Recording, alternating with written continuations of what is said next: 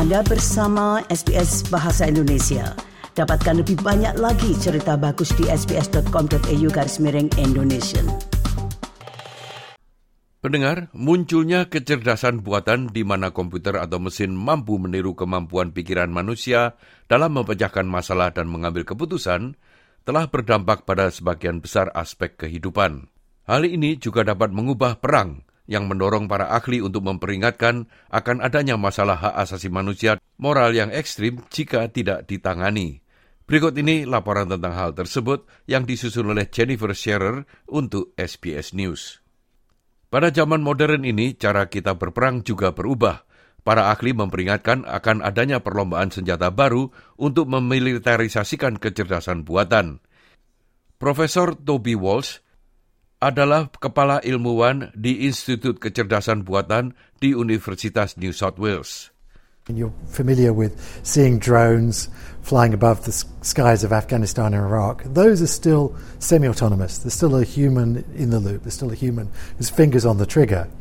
But increasingly, those drones are being flown by computers, and increasingly, it's computers that are making that final decision to decide who to target and who to kill on the ground. Menurut PBB, sistem senjata otonom menemukan, memilih, dan menyerang sasaran manusia tanpa pengawasan manusia. Sistem ini juga dikenal sebagai robot pembunuh dan dapat mengandalkan data seperti berat badan, usia, dan ras untuk mengidentifikasi dan menyerang seseorang. Dr. Olga Biocek, seorang sosiolog dan dosen budaya digital di Universitas Sydney menjelaskan. AI is being used to um, to kill people based on their data footprint. We know that uh, AI is used by many militaries around the world to identify uh, subjects that are a potential threat. It is it has a name. It's called death by metadata, and that is because someone's uh, datafied footprint would be resembling that of a known terrorist. Sebuah laporan dari Perserikatan Bangsa-Bangsa menunjukkan serangan drone otonom pertama terjadi pada tahun 2020 ketika drone buatan Turki dikerahkan di tengah konflik militer di Libya.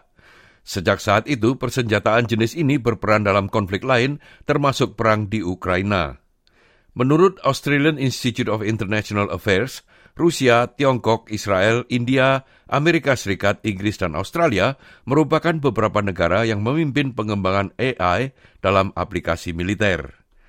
Berikut ini penjelasan Profesor Walsh. Israel is a nation with a significant um, capability to develop arms. Um, and um, the Gaza border itself has been one of the most surveilled borders, with, and lots of that surveillance is done with aut autonomous AI powered systems. Menyerahkan keputusan hidup atau mati kepada mesin menimbulkan dilema moral. Perkembangan ini mendorong para ahli untuk menyerukan peraturan senjata otonom yang mematikan berdasarkan konvensi PBB tentang senjata konvensional tertentu dan penggunaan senjata tersebut dilarang berdasarkan konvensi Jenewa di dunia sama seperti senjata kimia dan biologi pada tahun 1925.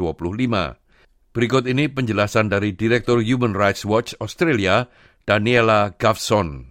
Autonomous weapon systems have a host of ethical, moral, legal, um, accountability, and security challenges. Weapons that operate without any meaningful human control don't have any human qualities of judgment and compassion, which are such integral parts of making an analysis about what's a lawful target and then whether or not to go ahead or pull back at different moments.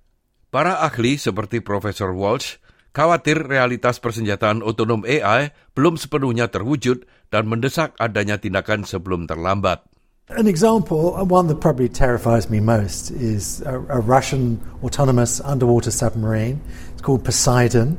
Uh, it's the size of a bus. It's nuclear powered, so it can travel almost unlimited distances at very high speed. Uh, and it's believed it will carry a dirty nuclear bomb, a cobalt bomb. This could drive into Sydney Harbour and autonomously an algorithm decide to start a nuclear war. Demikianlah tadi sebuah rangkuman tentang perkembangan AI untuk senjata yang disusun oleh Jennifer Scherer untuk SBS News dan disampaikan oleh Ricky Kusumo.